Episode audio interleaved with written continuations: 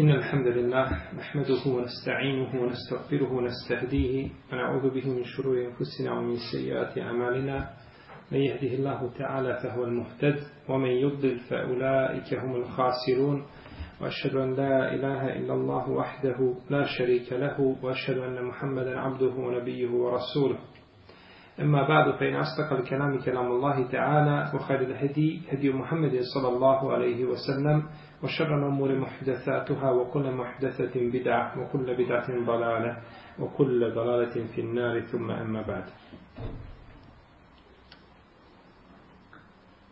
عن ابن عباس رضي الله عنهما قال بت عند خالتي ميمونة فقام النبي صلى الله عليه وسلم يصلي من الليل فقمت عن يساره فأخذ برأسي فقامني عن يمينه Od Ibn Abbas radijallahu ta'ala anhuma se prenosi da je rekao Boravio sam jedno večer kod moje tetke Mejmune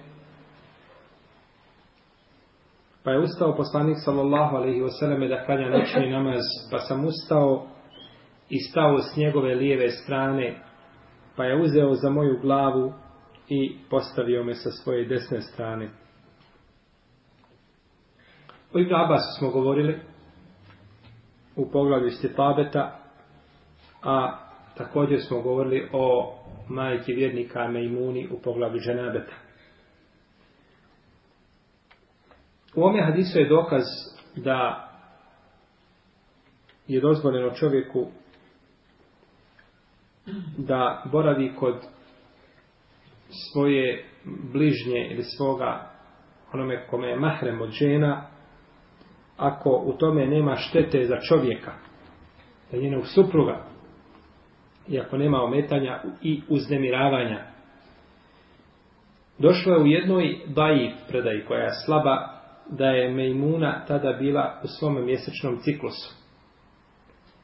Pa kažu učenjaci da ova predaja, iako je slaba, ima lijepo značenje, zato što u tom periodu, jeli, ovaj, slobodna je žena od čovjeka i sigurno da će manje biti ometan čovjek sa prisutom ženinih bližnjih.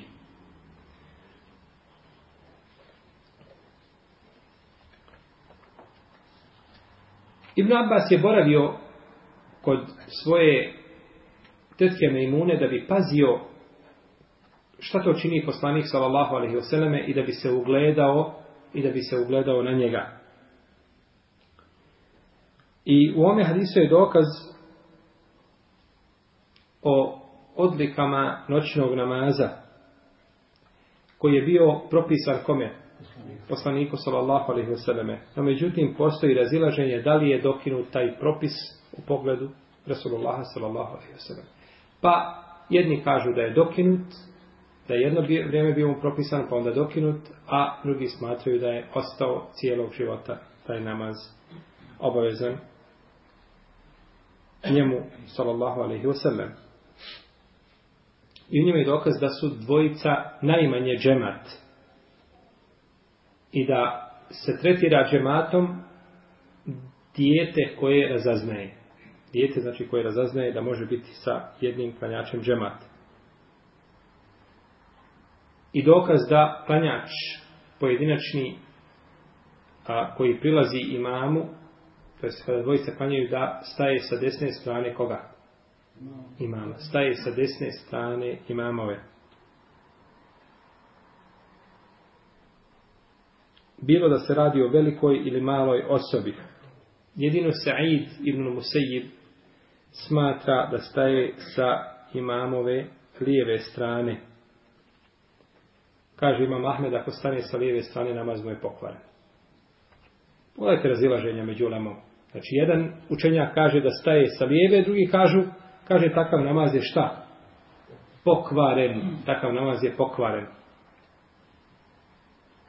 Takav namaz će biti pokvaren za imama Ahmeda. I onoga ko drži se mišljenja imama Ahmeda. Međutim, ko se drži mišljenja sa Ide ibn Museiba, iako je slabo, neće mu biti namaz pokvaren. Jer su to i čtihadi, znači koje prihvata, koje prihvata šarijat. I u njemu je dokaz da se može noći namaz klanjati u džematu, na fila, znači da se može klanjati u džematu. I u njemu je dokaz da čovjek koji predvodi ljude i koji ih poučava, koji je među njima, znači najučeniji, dužnost mu je da ukaže ljudima na ono što je najispravnije. Znači da ukaže na greške koje se čine i da ih popravlja. I u hadisu je dokaz da mali pokreti u namazu neće pokvariti namaz. Neće pokvariti namaz i da zbog tih pokreta ne treba čovjek da učini sve i sve što.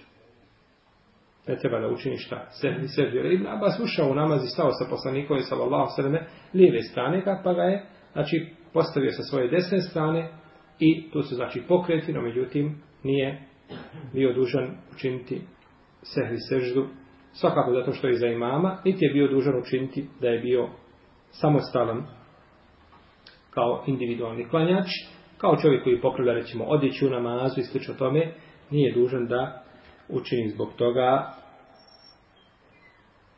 sehli seždu, ili da učini korak ili dva, da otvori nekome vrata, ili da otvori telefon, znači da se javi, ili da ljudi znaju po tekvirima da klanja i slično tome, ne da se javi na mazu, nego da znaju, znači da čovjek klanja.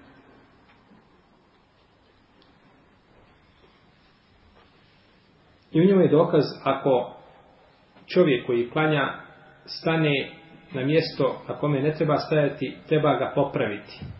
Treba ga, znači, usmjeriti na mjesto koje mu pripada i koje je ispravno. Jedne prilike sam vidio čovjeka da klanja, znači, na, iznad sahana, kjabe, znači, stavapi, imaju, znači, ima jedan podijum mali gdje klanja, i vidi Kjabu, znači ispred sebe, nema ispred njega i Kjabe ništa, sve čisto, kao da je dole, znači ispred same Kjabe. I klanja potpuno Kjaba u ovom pravcu, on klanja ovako. Znači vidi Kjabu, kjabu ispred sebe i klanja u suprot. Takvog je dužnost, takav je namaz mu je batir. Dužnost je prići da ga okreneš, znači lagano u pravcu čega? U pravcu Kjabe, jer mu je namaz pokvaren. I tako isto kad vidiš čovjeka koji se nije ovaj dobro pribio u saf, znači da mu lagano ukažeš na to ili da popuni s prazinu, prazinu istično tome da se popravi sap. Kogod je u safu dužan je da popravi saf koliko može. Ne samo dođe u saf i da stane Allahu ekvar, to je pogrešno. Nego dužan da pogledaš u saf, pored sebe, do sebe, lijevo, ako znaš da nema nikoga našto, da si ti tu a, najpreći da popraviš i izravnaš saf, onda si dužan, za, dužan si da izravnaš saf. Dužan si da izravnaš saf. I često klanjamo u safovima koji možda kada bi vidjeli ovaj ashab, eh, kada bi vidio nekada od ashaba ili tabina, pitao bi se šta je to. Ako su ashabi govorili da se poslanik i tabini, da se kaže poslanik sa svem pojavi u naše vrijeme, ne bi ništa prepoznao osim okretanja prema kibli, što onda da mi kažemo za naše vrijeme i neravnanje safova.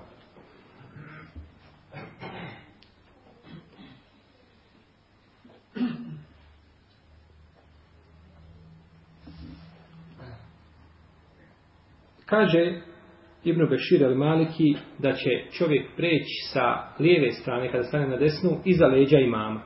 Neće šta ispred imama, nego iza leđa. I to je došlo u hadisu kod Buharije.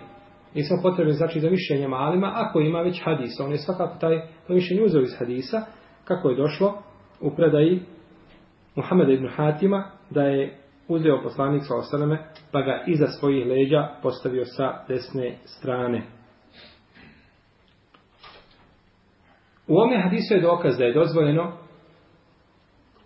čovjeku da upotpuni namaz kao imam, iako nije počeo namaz sa nijetom imama. Pa da je poslanik sa vasrame stao, je li nije tio da bude imam?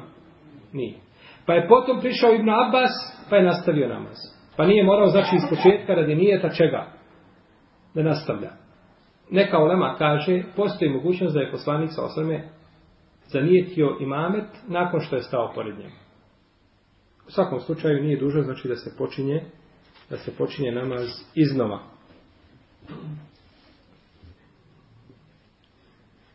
I u ome hadisu je dokaz da treba prenositi postupke poslanika sallallahu alaihi wasallam da bi se ljudi na njih ugledali od znači Allahovog vjerovjesnika alaihi sallatu wasallam. I dokaz je da nije dozvoljeno ići ispred imama. Jer da je dozvoljeno bilo, bilo bi lakše Ibnu Abbasu za poslanika sa osnovem. Bilo lakše da ga prevuče sa prednje strane, je tako ispred sebe neko, nego iza sebe. Bilo bi mu lakše. No međutim, ne treba jer je zabranjeno prolaziti ispred imama.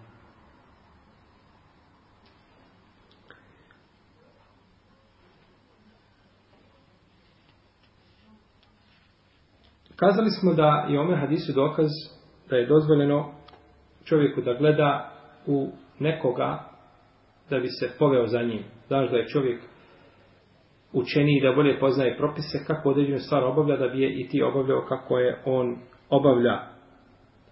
I ovo je poznato kod hadijskih stručnjaka, kod učenjaka hadisa, talebul olu, traženje što kraći seneda, da se dođe do koga? do poslanika sa Osreme. Naprimjer, ashabi su ponekad znali putovati iz Šama u Medinu ili iz Medine u Šam da pitaju za jedan hadis, da bi radili po njemu. Iako je mogao taj isti hadis da čuje od drugoga sahaba ili od nekoga, no međutim putovao da ga čuje direktno ili da ne ide preko dvije ili tri znači, veze, nego da piva što kraći. Pa bi nakon toga onda radili, pa bi nakon toga radili po njemu. Pa bi nakon toga, i zato hadis, što god lanac prenosilaca, što god ima manje pravija, on je bolji. Je li tako? Kad dvojica ili trojica prenesu, lakše je da budu tačni i precizni nego kad ih prenese šest ili sedem, je li tako? Bez obzira koliko bili, znači ovaj učeni, manja je mogućnost greške. Manje ljudi, manja je mogućnost čega? greške, jer ljudi znači, ljudi su, ljudi griješni. Kada smo bili ove godine na umri, sjedili smo u jednoj halki 60 dajija. Iz razni jel, zemalja. Pa sam predložio da kažem jednu rečenicu na arapskom jeziku i da se ponavlja do zadnjega. Da vidimo šta će izići. Znači, među dajama koji su bilo šarijat, svi su bilo šarijat.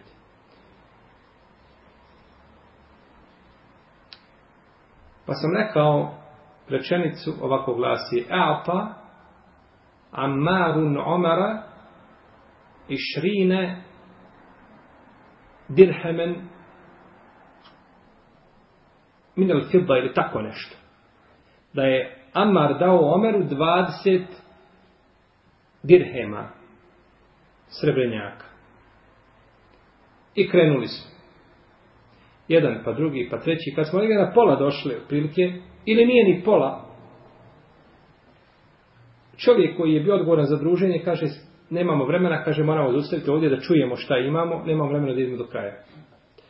Pa je pitao toga čovjeka gdje se zaustavio, šta je, kakav je haber došao do tebe? Kaže, čovjek koji se zove, pa spomenu njegovo ime, neko ime znači koje nikakve veze nema ni sa čim, imao je svoju ženu i otišao negdje na pijacu da je nešto kupi i tako priča. Znači nije prošlo ni, ni 30 ljudi koji studirali šarijat, koji smatruju pouzdani u svojim prenošenjima, znači nisu uspjeli da prenesu običnu jednu rečenicu, znači koja je razumljiva i koja je koja je potpuno, koja je potpuno jasna. Pa zato je ovaj oluvoli snad, što kraći lanac prenosilaca, jako bitan. Jako bitan.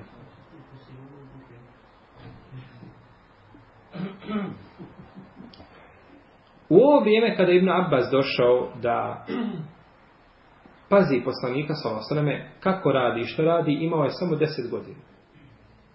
Deset godina kako je došao u predaj kod imama Ahmeda, Kaže, pa je uzeo za moju glavu i postavio me sa svoje desne strane. A u drugoj predaji pa me uzeo za uho. Za uho pa me postavio sa desne strane. U trećoj za ruku ili za mišicu, nadlakticu. Sve su to znači predaje. Jedan je smisao da ga je povukao ili prevukao na desnu stranu. Da li ga uzeo za uho ili za glavu ili za mišicu, Kako je došlo da je jedan put za, jel to više se puta desila priča ili? A? Kako to jedan put prenosi za uho, jedan put za mišicu, jedan put za rame, jedan put za glavu? Sa više puteva, dobro. A to vidite, evo ne znam sad on ovaj opasku, on svima ovaj... Onda je više puta klanio, ali Priča se je desila jedan put sigurno. Kako je došla u različitim verzijama? Aha, nije tačno rečeno. Ti si pokucao na vrat. Neko treba da je otvori. Baš to sam razumijevanje A nisu oni bili baš kojini. Razlikuje se to. Možda bi bilo rečeno da ga samo uzeli preuhoda na, na sve strane. A kako da nije? Različit prenosio se. Tačno različit prenosio se. I šta? sa više izvora.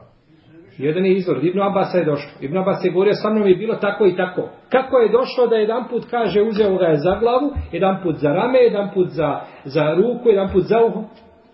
Zato što možda nije rekao kako hoće. Kako ga je uzeo? Vidite, braće. Ima nešto što se zove prenosenje hadisa u smislu, u značenju. Pa je pričao ravija, on me je uzeo i prevukao me na desnu stranu. Kaže, uzeo ga i prevukao za ruku. Pa prenosi u u značenju. Ne prenosi znači tačno u... Zato imamo različite verzije hadisa. Nekada kažemo, a u verziji kod Ibnu Hidbana stoji šta?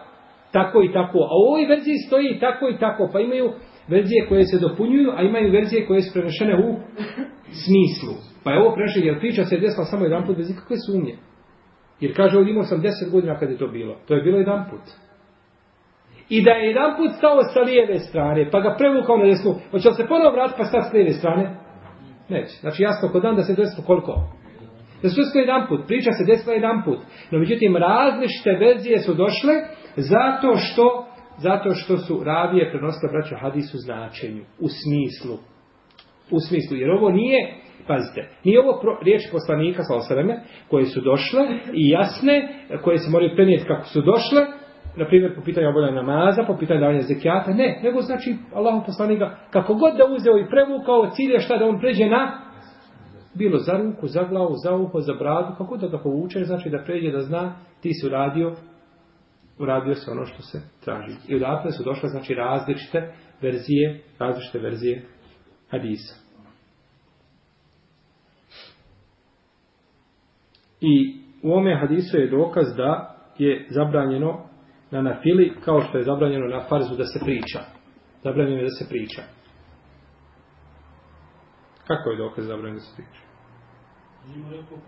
Nije mu rekao, lakše mu bilo reći pređi na desnu stranu, tako. Na fili je bio, nije bio farz da na fili je bio, lakše je bilo reći s druge strane, jeli? Nego da ga vuče, možda neće shvatiti kuda sa šta hoće sada sa mnom, jeli? No međutim, nije poslanik sa osnovim šta, progo, progovorio, pa je, znači ovdje,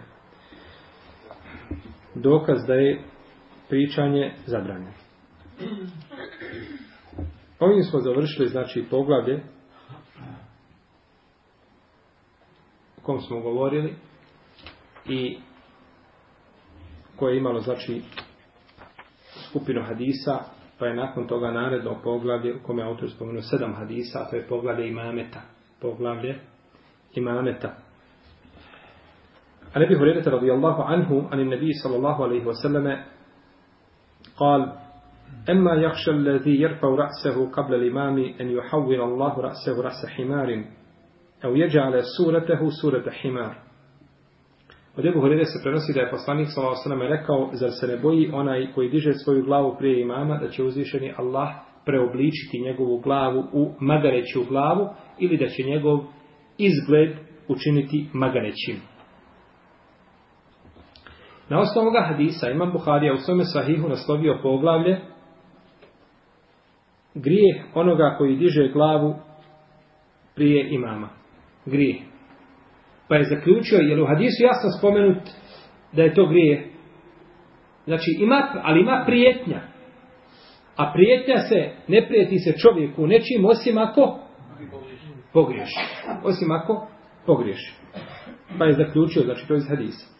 I ovaj hadis se prenosi od Ebu Horere i Ajše ibn Omara, ibn Abasa, Jenesa i Huzajka ibn Jemana, kako spominje ibn Mende u svome Mustahređu, a spominje imam Al-Hejsemi u svome dijelu koje zove Mežmov Zevaid, da se hadis prenosi od Ebu Sejda Bahudrija, od ibn Mesada, isto tako od Nomala ibn Bešira i Džubela ibn Mutama i e, Semure i Ebu Umame i Ebu Lahvasa i Abdullah ibn Zida i drugi ashaba. Pa bi hadis bio ovaj, kao, kao da je mutevatir. Jer ko, kad se prenosi od ovoga broja sahaba, broj tabina je odmah šta? Veći. Jer hadis uvijek ide od ozga pa se grana. Jel u redu? Ide od ozga pa se grana. Hadis, recimo, ili ide jedan po jedan pa se grana. Uglavnom biva kao krošnja drveta da se grana. Hadis Omara, inne malamanu binijat, prenosi ga, ibno, prenosi ga Omar. Poslije njega prenosi ga u, u, još u dvije, tri generacije, prenosi ga ljudi po jedan i onda nakon toga u jednog čovjeka ga prenosi 200 prenosilaca sa jednog na dvije stotine ravija, možete misliti koliko sto onda grana. Znači tako je hadis. Pa kada je to, toliki broj ashaba, sigurno je broj tabina još veći, tako da bi hadis mogao bi dajiti, ako nisam ovaj e, provjeravao da li ga je Ulema spomenula u mutevatir hadisima. Ovaj hadis je dokaz da je zabranjeno čovjeku da diže glavu prije imama kada je u pitanju kada su u pitanju ruku i srđde. A isto tako, analogno ruku i sežda možemo kazati spustanje na seždu, spustanje na seždu i odlazak na ruku. Isti je propis. Spomenuo je ovdje posebno ruku i seždu zato što su ruku i sežde to je od najpretvrđenijih ruknova namaza i u njima je vidno poniženje pred stvoriteljem te barake o teala, znači dok je čovjek u namazu. I čovjek je najbliži svome stvoritelju dok je na seždi. Kako rekao poslanik sa osaname, akrebu ma je kuno la, abdu per rabbihi wa huwa sađid, da je najbliži čovjek svome stvoritelju dok je na seždi. Pa je lijepo na tome mjestu da bude smiren, A čovjek koji je požurio i digao glavu prije imama nije šta?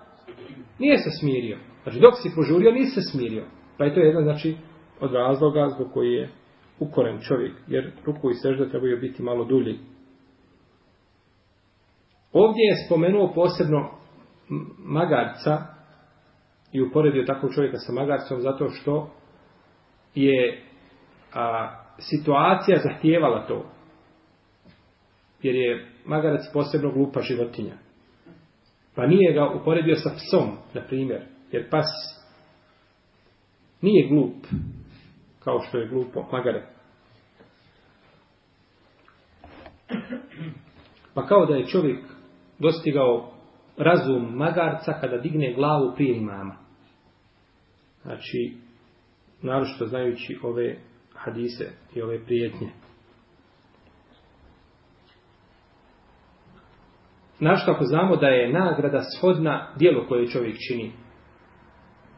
Pa recimo, na sudnjem danu će se kazati ljudima koji su crtali likove da udahnu u njih duše. Ili će se kazati oživite ono što ste stvarali. Pa je nagrada shodna grijehu koga si činio. Tako isto je u ome slučaju. Tako isto je u ome slučaju. Došlo je u Sahihu ibn Hibbana da je rekao poslanik sallallahu sallame en juhavila Allahu rasehu rasa kelbin da Allah njegovu glavu pretvori u pseću glavu. Međutim, kaže šeha Albani u 11. tomu svojih da i silsila slabi svoji serija hadisa, da je ovaj hadis izniman, da je slab, da je ovaj hadis izniman. A bilježi Ibn Đumeja u svome dijelu Muadžemu Šujuh u prvom tomu ovaj hadis i isto tako ima slab lanac prenosilaca, kao kod Ibn Hidban. A došlo je kod Ibn Ebi Šejbe da rekao poslanik sa osrme, innama nasijetuhu bijedi šeitan, kaže njegova kika je u ruci šeitanskoj. Znači, šeitan je drži i upravlja sa njom. No, međutim, kaže šeha Albani u svome djelu Eterhivu wa terhib, daif u terhivu wa terhib, da je ovaj hadis daif. Isto da nije vjerodostojan. Ispravna je predaja, vjerodostojna koja je kod Buhari i muslima, en ju havu lallahu rasevu rasahimalim. Da Allah preobliči njegovu glavu u, u magareću. Ovdje je posebno spomenuta glava zato što je sa glavom učinio taj grijeh. Je tako? Diže glavu prije, imao ovaj je spustav, pa čime su činio grijeh, rukom si ukrao i ruka bila kažnjavana. Je tako? Došlo je u, drugom, u drugoj verziji lice njegovo da preobliči, a u trećem sliku, sve isto. Slika i lice su dio glave, pa je ciljano lice, pa tako da je, znači smisao je jedan i opet ovo je značenje i prenošenje znači hadisa u značenju Allah najbolje zna. Jer kaže poslanik sa osaname, es suretu ras, fe idha kutija rasu, fe la sura. Slika je glava, pa kada se osjeća glava nema slike. Kada bi imao u kući sliku živog bića i glavu premažeš ili odsjećeš, nije pitno, to se više ne tretira šta? Slikom, ja nema glave. Glava je slika. A kad ima sama glava, nema tijela, onda je slika onda je slika. U ome hadisu je prijetnja. A prijetnja se mora ili ne mora ostvariti? Ha? Ne mora. Prijetnja se ne mora ostvariti. Za razliku od obećanja. Može li biti kad uzvišen je Allah tebi obeća da će ti dati nagradu za određeno djelo i ti još na sunji dan kaže robe nema ništa toga. Ne može biti. Ali ti može uzvišen Allah priprijetiti džahennemom za određenu stvar i da još na sunji dan da kaže, ne, oprostio sam, nećeš biti, kaže. Pa drugo, savršeno odgovara njegove milosti, a prvo bi bilo šta? Prevara. Prevara obećanja. Pa to ne odgovara, nije shodno, znači, Allahovi te varak tala milosti. Pa kako je došlo u hadisku debu jale da poslanik sa kaže, kome je uzvišen Allah nešto obeća, to će mu sigurno dati, neminovno, A kome priprijeti kaznom, može ga kazniti, a ne mora. Može ga kazniti, a ne mora.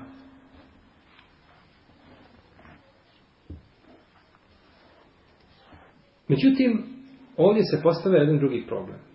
Koliko je samo ljudi koji dižu glave prije imama, a jer se ikada desilo, se ikada vidjeli da je uzvišeni Allah ovaj hadis realizovao, pa da je čovjek pretvorio njegovu glavu magareću. Jednom se desilo, jest, nekad se neki učenjac kažu, e, Ibn Mlaka kaže desilo se jedan put ili dva put, Ibn Hajar navodi od muhadisa da je bio jedan čovjek koji je učio hadis i odlazio je često kod svoga učitelja da stiče kod njega nauku. No međutim, učitelj je bio zastrt, nikada se nije pokazao tome učeniku. Pa je učio dugo kod njega, kada je vidio ovaj učitelj da je on zaista brižan i da voli nauku, jednoga dana otkrio mu je lice. Pa kada je vidio ovaj lice, zaprepastio se. Lice Magareća. Glava Magareća. Pa mu kaže, šta je to, o profesore? Kaže, dijete, drago, dobro se, kaže, pazi da ne porekneš hadis poslanika sa osam. Kaže, kad sam čuo ovaj hadis, ma rekao sam, to je nemoguće svesi. I kaže, dizao sam glavu prije imama i kaže, pogledaj šta je sa mnom bio. Ovo Ibn Hajar spominje, no međutim, ono što je poznato se to ne dešava. Ali postoji jedno drugo tumačenje ovoga hadisa, kojim bi možda mogli a, riješiti nejasnoću koja se možda stvori u našim glavama. A to je da će pretvoren biti u lik magarca na sudnjem danu. Pa da hoda kao takav, kao dokaz da je šta? Dizao glavu koju imam. I ta mogućnost postoji. Da mu Allah ne pretvori glavu, ali nije rečeno na dunjalku ili na ahiretu. Iako iz hadisa prvo što razumijevamo je gdje? Ovdje. No međutim postoji i ta znači, mogućnost da to bude na, na ahiretu.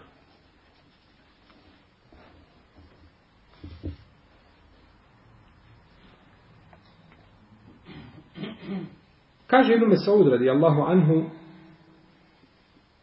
o onome ko pretiče imama kaže la vahdeke salejt wala bi imamiki ktedejt. Kaže ni si sam panjao ni si imama slijedi. Nijedno ni drugo, ništa nemaš. I slišao se prenosi od Ibn Omara i kod Abdurazaka se spominje da je naređivao čovjeku da ponovi namaz. Da takvom da ponovi šta? Namaz. I u njemu je dokaz da je haram, haram preticati imama u namazu. Ako ga pretekne sa jednim ruknom, to mu neće pokvariti namaz. Znači, ako ode prije imama na ruku, neće mu šta, ili digne glavu prije ruku, a neće mu to pokvariti namaz. Ali učinio, ali učinio haram. Pa ako namjerno to učinite, treba se vratiti. Ako digne sami Allahu lumen hamid prije imama, imam ostao, ako je zaborav učini, treba se vrati. Ako namjerno učini, učinio je haramno, međutim opet se treba šta? Vrati pa da to učini i za imama i da bude muktedija, ne da on bude imam. Znači pa da slijedi imama. A neka ulema kaže ako ga pretekne sa dva rukna, da je pokvario namaz. Sa dva rukna ako ga pretekne, da je pokvario namaz. Kaže imam Kurtobi, ko učini suprotno imamu, uradio je suprotno jednom od sunneta koga se treba držati muktedija, no međutim kod većine uleme nije pokvario namaz. Kod većine uleme nije pokvario namaz. Kaže Ibn Kudame u svom delu Mugni,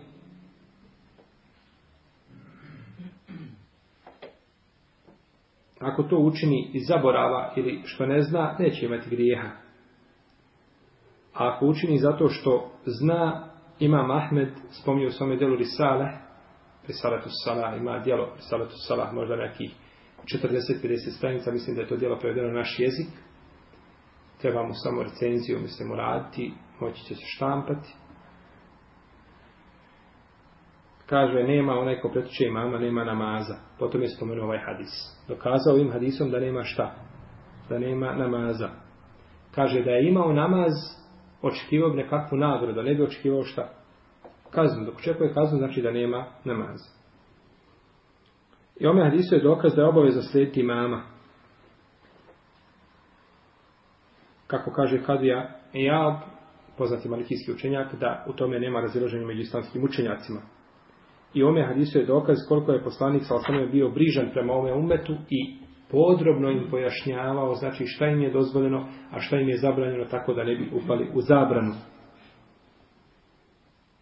Ovaj hadis jasno govori da je zabranjeno šta?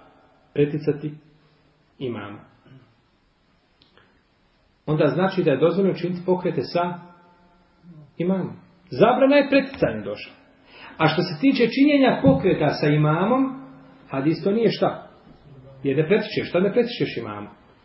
No, međutim, to je mekru. Činjenje pokreta zajedno sa imamom, to je mekru. I doćemo do hadisa, a Al-Bara ibn Aziba, gdje se govori, znači, da su jasno hadisi čekali, znači, da su ashabi poslanika, sallallahu sallam, jasno čekali, znači, ovaj, dok ne vide ga da je pao na sečtu. Pa onda bi padali za njim na seždu, a niko ne bi svoja leđa povijao dok on ne spusti čelo i ne smiri se na seždu. Pa je, znači, činjenje pokreta sa imamom mekruh. Što se tiče E, no međutim, gdje biva, ovo je mekru, ali gdje biva problematično?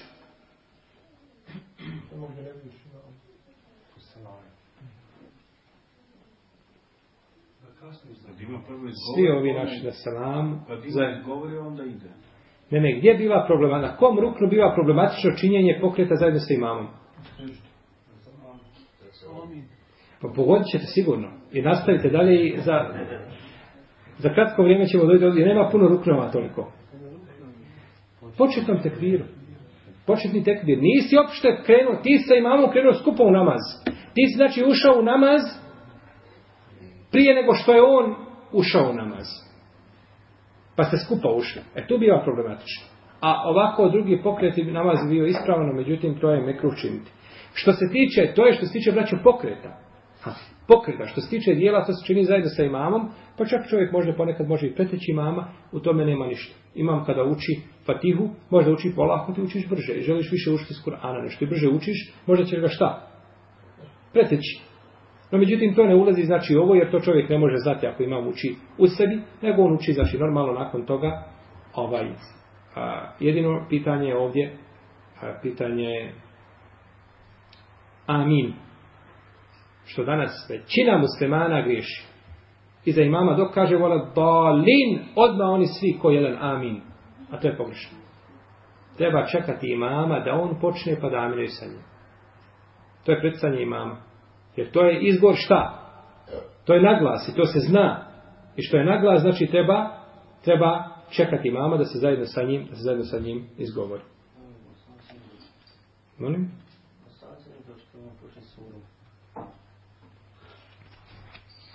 svakom slučaju znači obaveza je slijediti mama u tim pokretima a što se tiče učenja kada se uči u sebi onda ta obaveznost ne može se ni pratiti niti se može znati znači da li se imam pretiče svakako ovim hadisama braće komentara ima još dosta stvari koje se tiču e, finesa e, ovaj hadisa, pomirenja njih sa drugim hadisima, e, jezički značenja koja bi, mislim, ovaj, vas umorila, pa spomenemo samo ono najbitnije, znači od propisa koji će nam koji će nam koristiti. Pa ćemo išao tamo našem narodnom druženju govoriti o hadisu, drugom hadisu, ome pogledu, hadise Buhoreire, o a, obavezi sljeđenja imama. Nama Allah, tabarak je o tala, da nas pouči našoj vjeri ispravnom svatanju, izrazumijevanju i praktikovanju.